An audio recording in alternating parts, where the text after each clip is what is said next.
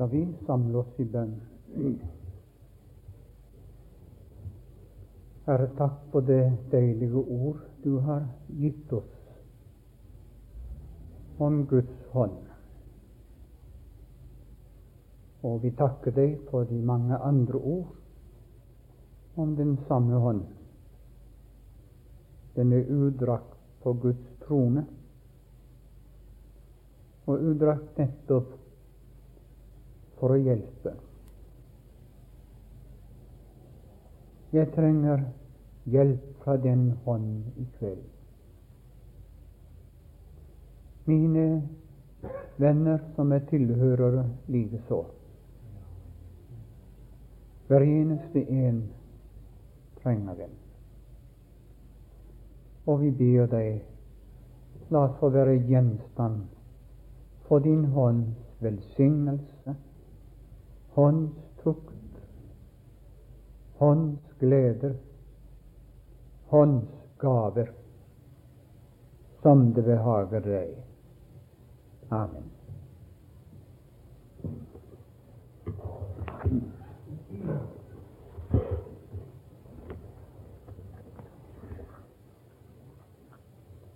Vi skal slå opp vår bibel til Lukas 23 og lese der 33 og 34 vers. Lukas 23, 33 og 34 vers. Og da de var kommet til det sted som kalles Hodeskallen, korsfestet de der både ham og ugjerningsmennene, den ene på hans høyre og den andre på hans venstre side. Men Jesus sa Fader, forlat dem, for de vet ikke hva de gjør.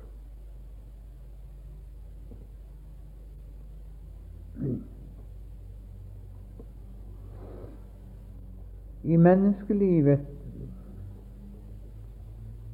tales det ofte betydningsfulle ord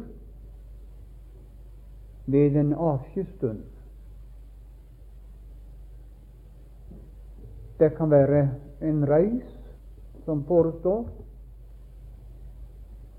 Det kan være avslutning på et besøk osv.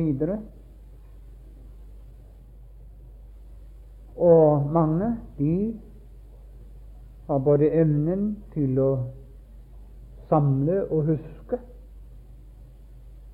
avskjedsordene. Særlig legger man merke til de siste ordene som blir talt fra den døende på dødsleiet. Mange gjemmer på de som verdifulle klinodier resten av livet. Til trøst, til glede og til et kjært minne.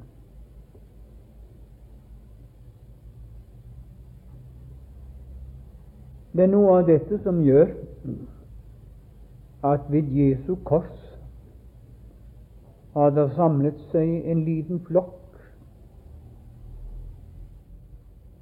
med den hensikt å høre hva Guds sønn har å si før han lukker øyet i døden.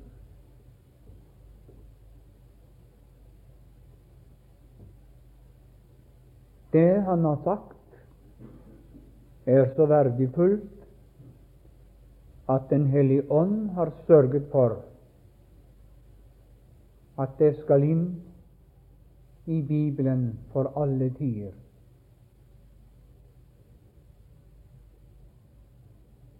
Og vi har da, som vi pleier å kalle det, de sju ord fra korset. Ikke alle ord er bønn, men eh, det skal vi se på framover disse kvelder. Jeg kan bare legge til at uh, at Jesus har sikkert talt mange, mange flere ord og bedt mange, mange flere bønner enn disse sju som vi har oppregnet fra eh, de tre-fire evangelier. Det kan du forvisse deg om ved å lese Salmen 22. Salmen 22 er en profeti av Kristus på korset, hva han sa, og hva han ba. Og det er også endog fra den salmen han har hentet et av sine sju år. Jeg vet ikke, jeg tror jeg vil be dere brødre også komme ned. For jeg liker ikke det halke bak. Takk skal du ha. Vi ser at uh, det gjelder å ha litt mer folk å preke for. Og de to er gode å preke for, det vet jeg om. Ja. Nå tenkte jeg at vi skulle betrakte denne her bønnen som Jesus ba uten at jeg definerer opp ord for ord, så vil jeg bare henlede oppmerksomheten på selve bønnen. Og det første som bønnen da viser, det er menneskets aller første behov.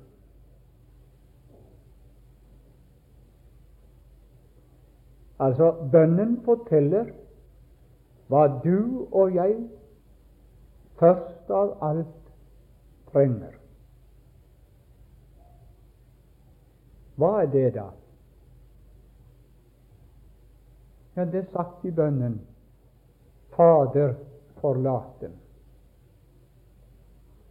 Altså syndenes forlatelse.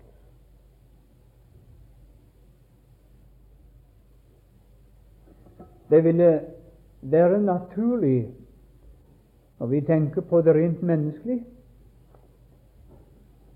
at Jesus, som samtidig var sant menneske som sann Gud,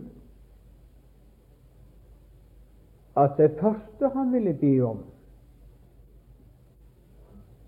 det var angående den lidelse og den korsdød som lå foran ham om ikke annet nedbe kraft til å gå gjennom den ifra først til sist. Det er en rent menneskelig tanke, iallfall som jeg tror var det første som ville fylle meg hvis jeg en gang skulle bli hengt opp på et kors. Men se her, dere. Guds sønn, hans selvforglemmende kjærlighet, tenker ikke på seg selv. Han tenker på noe som er mer nødvendig enn alt. Og det er at de som har naglet ham til korset, de som har mishandlet ham, de som spotter, de som håner.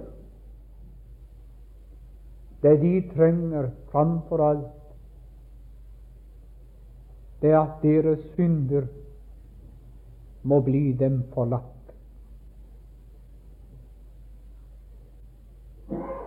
Og så skal vi også tenke på at det er bare godt ett menneske på denne jord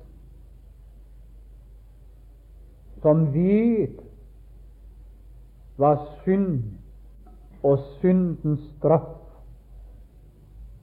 og syndens dom venter et menneske. Og det er Guds sønn.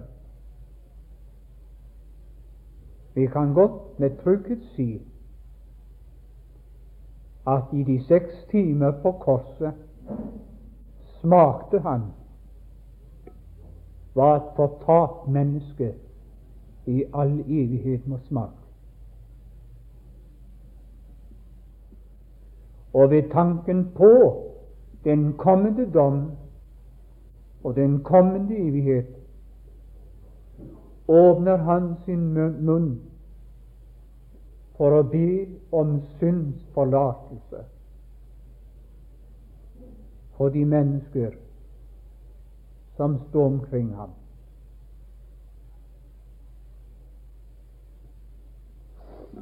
Videre må jeg gjøre oppmerksom på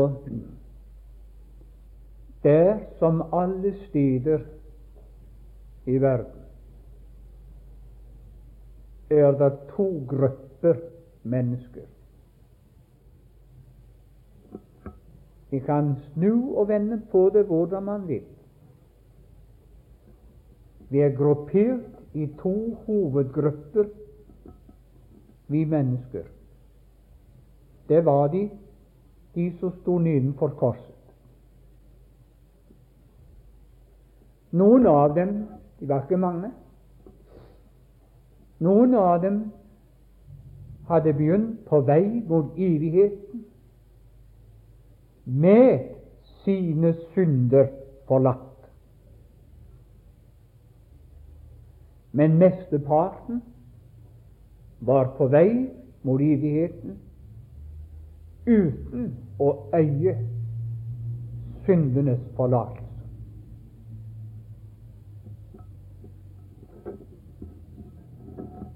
Jeg kjenner ikke denne forsamling.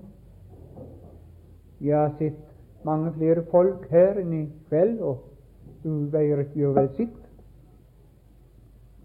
Men det tør godt hende at det allseende øyet ser oss delt i to grupper. Én ting har vi felles. Vi er på vei mot evigheten begge grupper. Kjekke, bra, hyggelige mennesker å være sammen med i dagliglivet, på fiskebåten og ellers i livets gjøremål. Bare på innsiden er det et skjult skille den ene flokk kan se opp til himmelen og takke for de er kommet inn i syndsforlatelsens nådestand. Og den andre flokk går mot evigheten uten å eie syndenes forlatelse.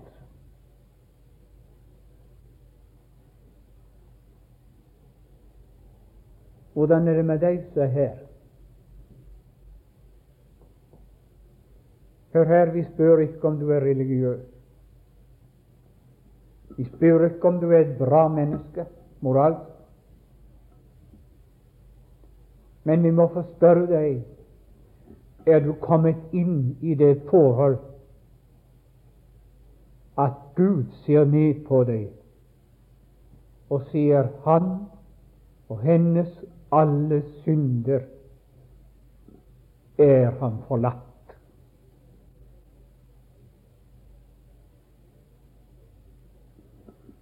Hvis ikke, så må du forstå at det er det aller første og aller nødvendigste å få ordne i ditt liv og få oppleve syndenes forlatelse.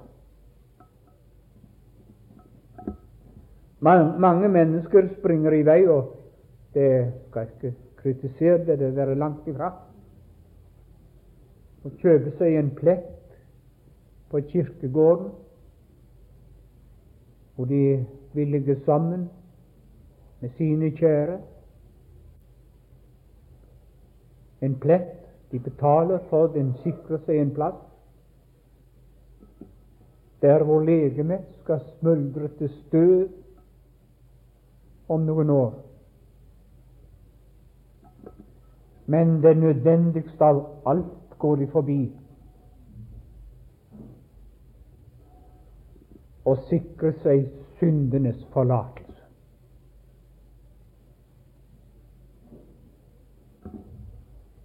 Syndenes forlatelse det er noe som skjer imellom Gud og mennesket. Det er noe i ditt innvortes menneske som må i orden.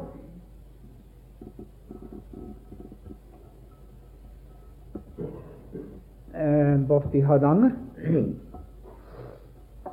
Der eh, sto det en drosjesjåfør og så pustet på, på frontglasset, på frontruten, alt han kunne.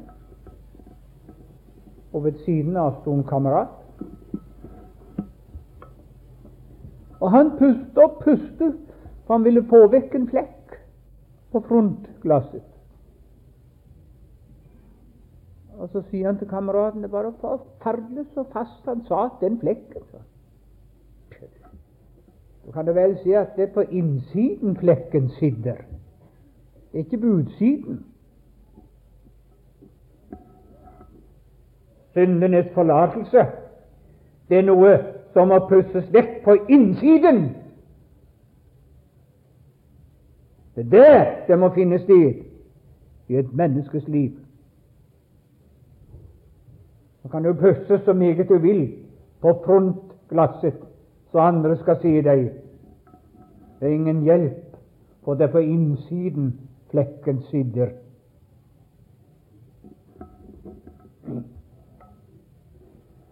Den andre lærdom som denne bønn gir meg, og jeg må få lov å si gir meg personlig, det er at bønnen forteller jeg trenger syndenes forlatelse i samme øyeblikk jeg har syndet.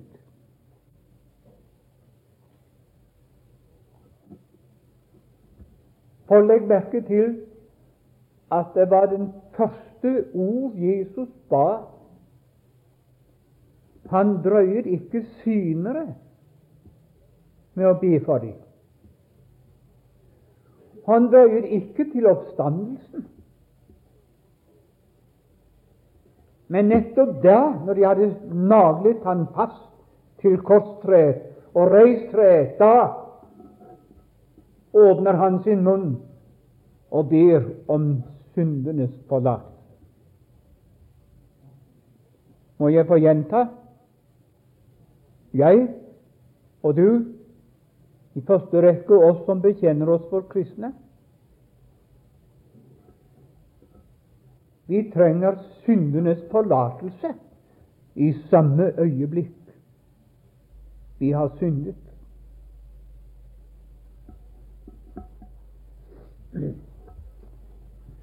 Vi har et uttrykk om Satan i Bibelen som kalles djevelens kunstgrep.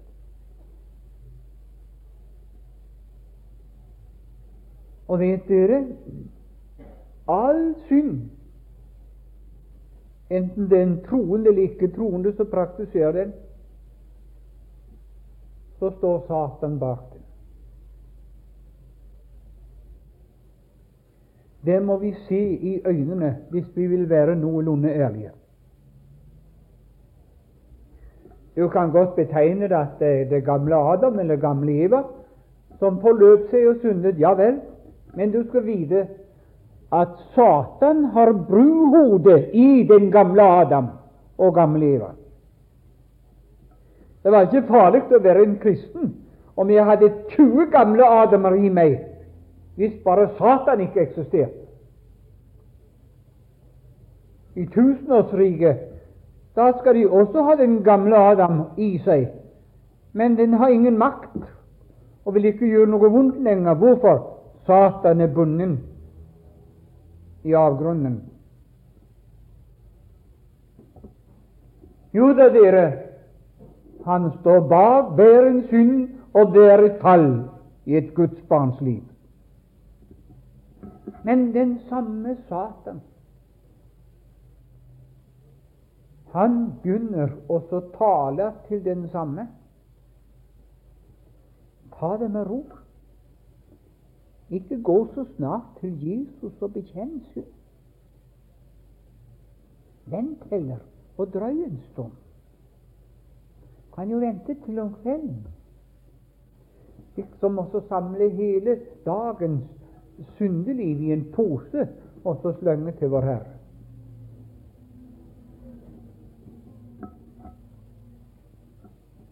Og hvis det så lykkes ham å få oss til å gå med på utsettelsen, så begynner han å hjelpe oss i å opparbeide en nådevei, en tilgivelsesvei, ved selvstrev.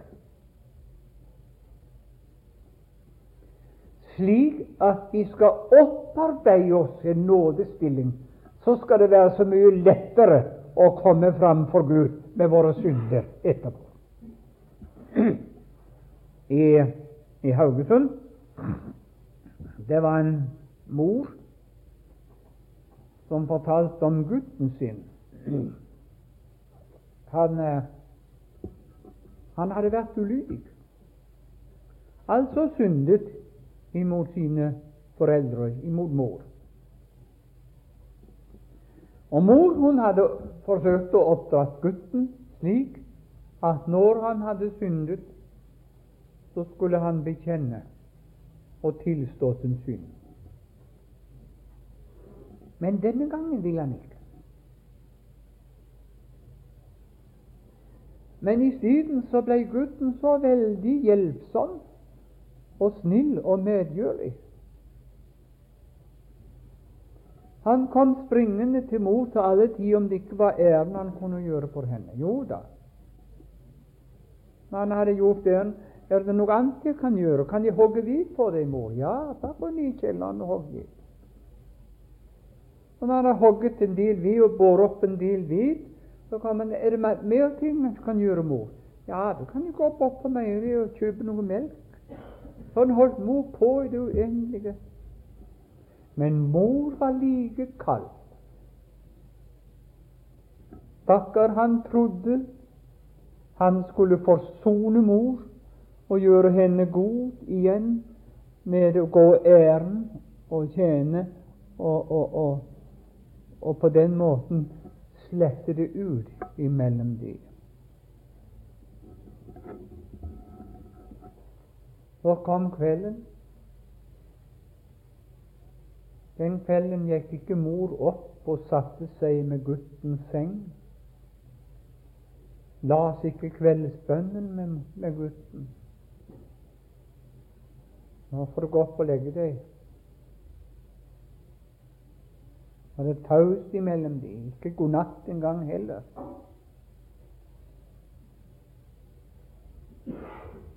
Og så hørte moren stemme. 'Mor, kom opp!' Da kunne mor høre på stemmen. Nå er det rom for syndsbekjennelse og syndstilgivelse. Så kom mor opp, satte seg med sengen. Nå, hva var ville gutten min? Så kom det opp en arm og rundt mors hals og trykket mor ned. Mor, kan du tilgi meg?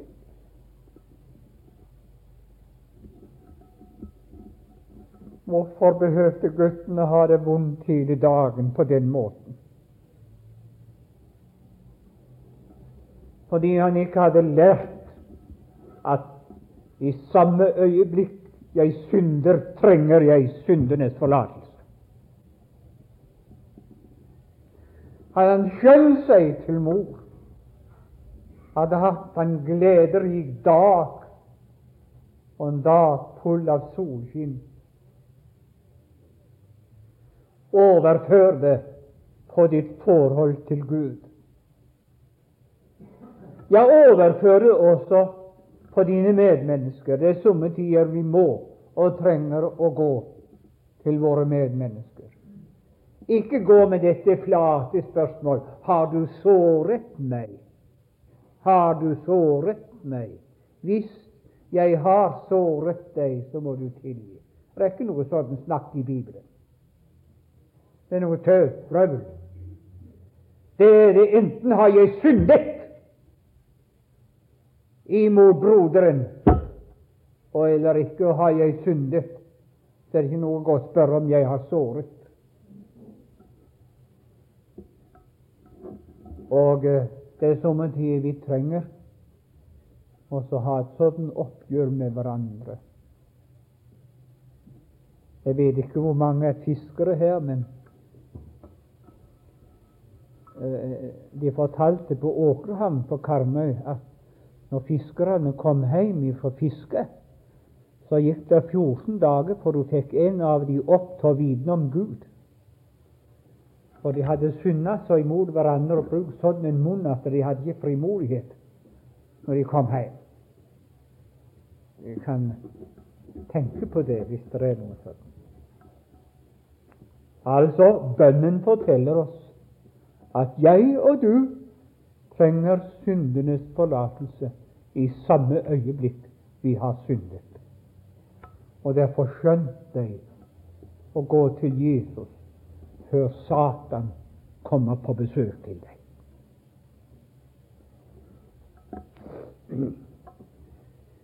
Nå skal jeg bare ta en tanke til, så skal vi stanse med det i kveld. Det er så uendelig mye, men for tidens skyld det var en bønn med en stor virkning.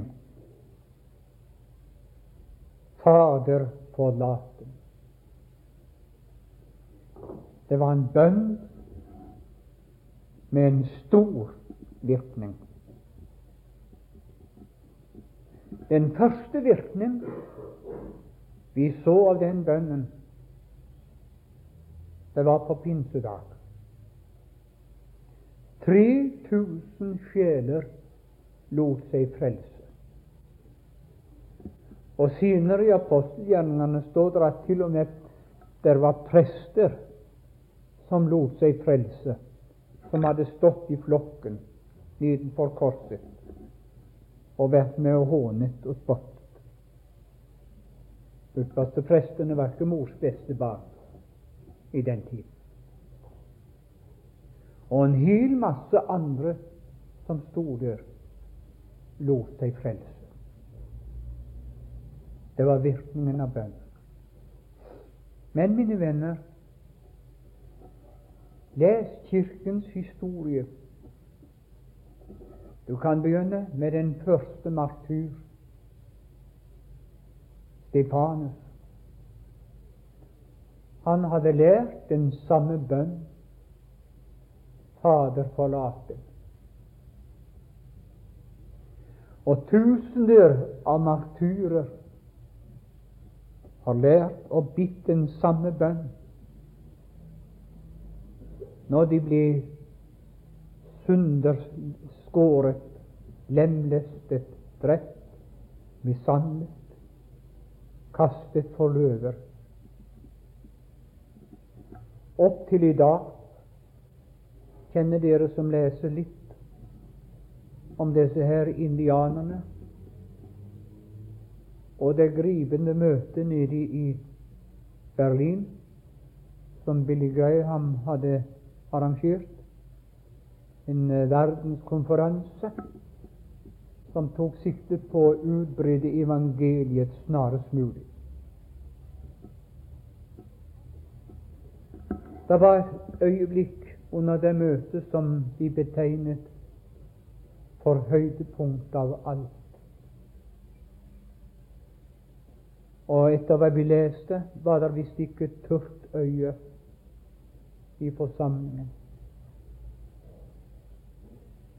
Jo, det var disse amerikanske misjonærer som reiste inn til en, til en indianerstamme som aldri enda noen hadde kunnet kommet inn til med evangeliet.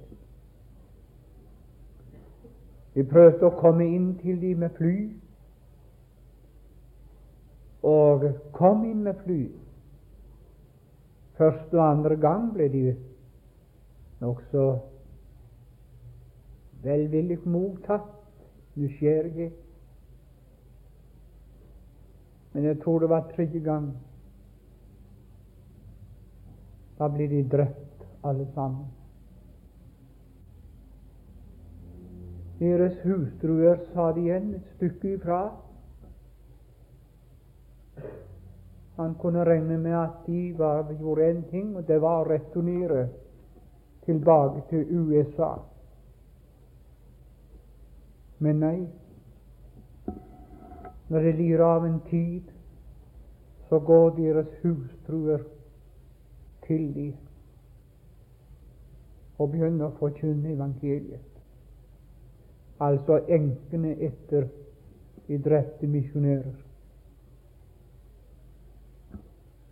Og der på Prekestol i Berlin, der sto enken, og ved siden av morderen som hadde drept hennes mann.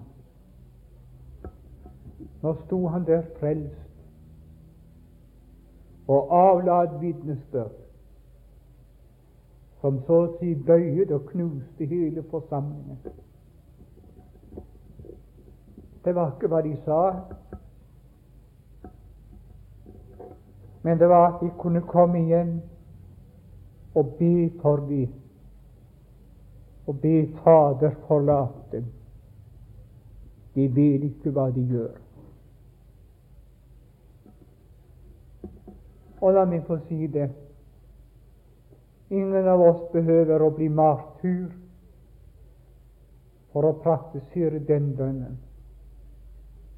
Det er en bønn som må få leve i oss i vårt forhold til våre medmennesker hvor vi ferdes og hvor vi går, både i ekteskap, på arbeidsplass og i heimen. Du må leve Det er simpelthen noen mennesker du må leve i seks måneder forskuddstilgivelse. Skal det gå godt? Hvorfor? Fordi at det gamle mennesket i oss, det er slik at det går ut på å gjøre det vondt for hverandre her i livet. Og til slutt så kunne vi si at denne bønnen, den var med i forsoningsverket på korset. Det var en profetisk åpning og resultat av forsoningsverket. For nettopp gjennom forsoningsverket er det nå himmelens Gud står i dag med de mange løfter om syndenes forlatelse. Hør nå bare eksempel Isaias 1,18. Kom til meg om eder synder er røde som purpur, skal de bli hvite som snø. Eller det kjente, deilige ord fra 1. Johannes 1,7. Jesu Kristi, Guds Sønns blod, renser oss fra all synd. All synd. Enten må Jesu blod få lov å ta bort all synd imellom Gud og deg, eller ingen synd etter to. For det kommer ikke et menneske til himmelen med en eneste synd uten den er tilgitt og forlatt og renset bort. Eller i Feserbrevet 1.7, et ord som jeg for min del ofte har bruk for. Vi har forløsning og syndenes forlatelse etter Hans nådes rikdom. Du må passe deg for fariseisme i kristenlivet. Fariseismen kan stikke hodet fram hvis du tror det er din bekjennelse som utvirker syndenes forlatelse. Da tar du feil. For jeg skal si deg, din bekjennelse, syndsbekjennelse, den er ikke fullkommen nok. Fordi du er ikke så åndelig du ser og oppdager synd engang, som du burde skulle. Men vi har syndenes forlatelse, heter det etter Hans nådes rikdom. Og da kan, du spørre når tar Hans nådes rikdom slutt? Den dagen den rikdommen tar slutt, er det ingen syndforlatelse lenger. Men der har vi lov å synge nåde som havet utømmelig. Nåde nok for meg. Jeg fortalte det sikkert her en gang før, men la meg gjengi det. Det er pastor Hallen jeg hørte det av først. Han møtte en ung mann inne i Oslo som var i Trondheim, som han var godt kjent. Han hadde bodd i heimen, og hans far var forretningsmann. Og pastor Hallen han snakket med den unge mannen om Gud, om å bli frelst. Men han sa det like ut at jeg skal si det som det det er noe som binder meg. Og det som binder meg, det er at jeg har vært i min fars forretning som ung. Og da nasket jeg og tok lommepenger når jeg trengte det. Det må jeg bekjenne hvis jeg skal bli en kristen. Og hvis jeg skal bekjenne det, så kommer jeg til å knuse min far. Og derfor må jeg bare vente. Så sa han, jeg tror du tar helt feil av far. Vel kan det være tungt for han å høre, men gleden over at du vil bli frelst, overveier oppveier alt, også det du hadde nasket. Nå, for å gjøre historien kort det endte med at de to ble enige om å ringe opp far. Han skulle komme i mote med sin bil. Og denne og pastor Hallen i møte med sin bil. Og så skulle Hallen være den som skulle formidle forholdet og oppgjøret imellom dem.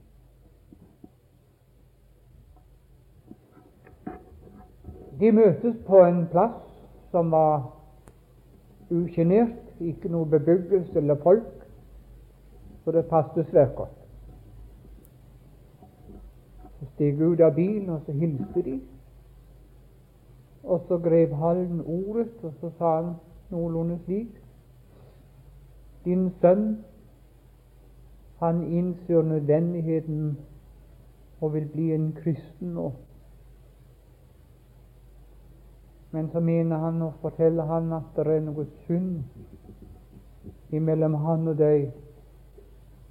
som han må bekjenne, og han er redd at du ikke kan tilgi han.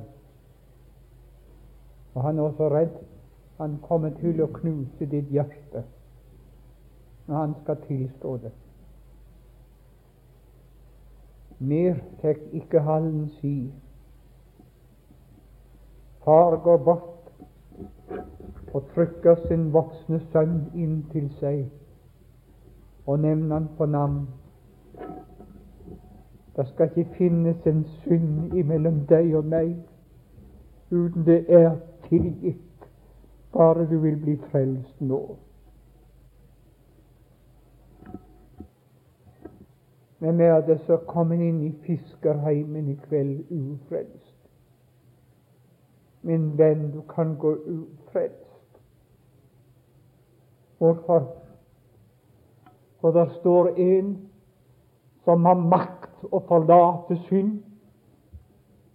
Og så sier han det skal ikke finnes den synd imellom deg og meg uten jeg skal tilgi og forlate, bare du vil bli frelst i kveld. La deg frelse i dette øyeblikk. Amen. Skal vi be? Herre, du må finne opp en synder som er på vei til helvete, og stanse han før det blir for sent. Jeg gripes av en tanke. Mange fiskere reiser ut. Ikke alle kommer hjem igjen. Noen sitter kanskje her som reiser ut og ikke kommer hjem. Og Gud forbarm deg over ens liv hvis han ikke er frelst enda. Og de som er frelst, ber vi deg, hold din hånd over dem alle sammen, og la det lykkes til ditt navns ære, og gi dem også et godt fiske i år. Amen.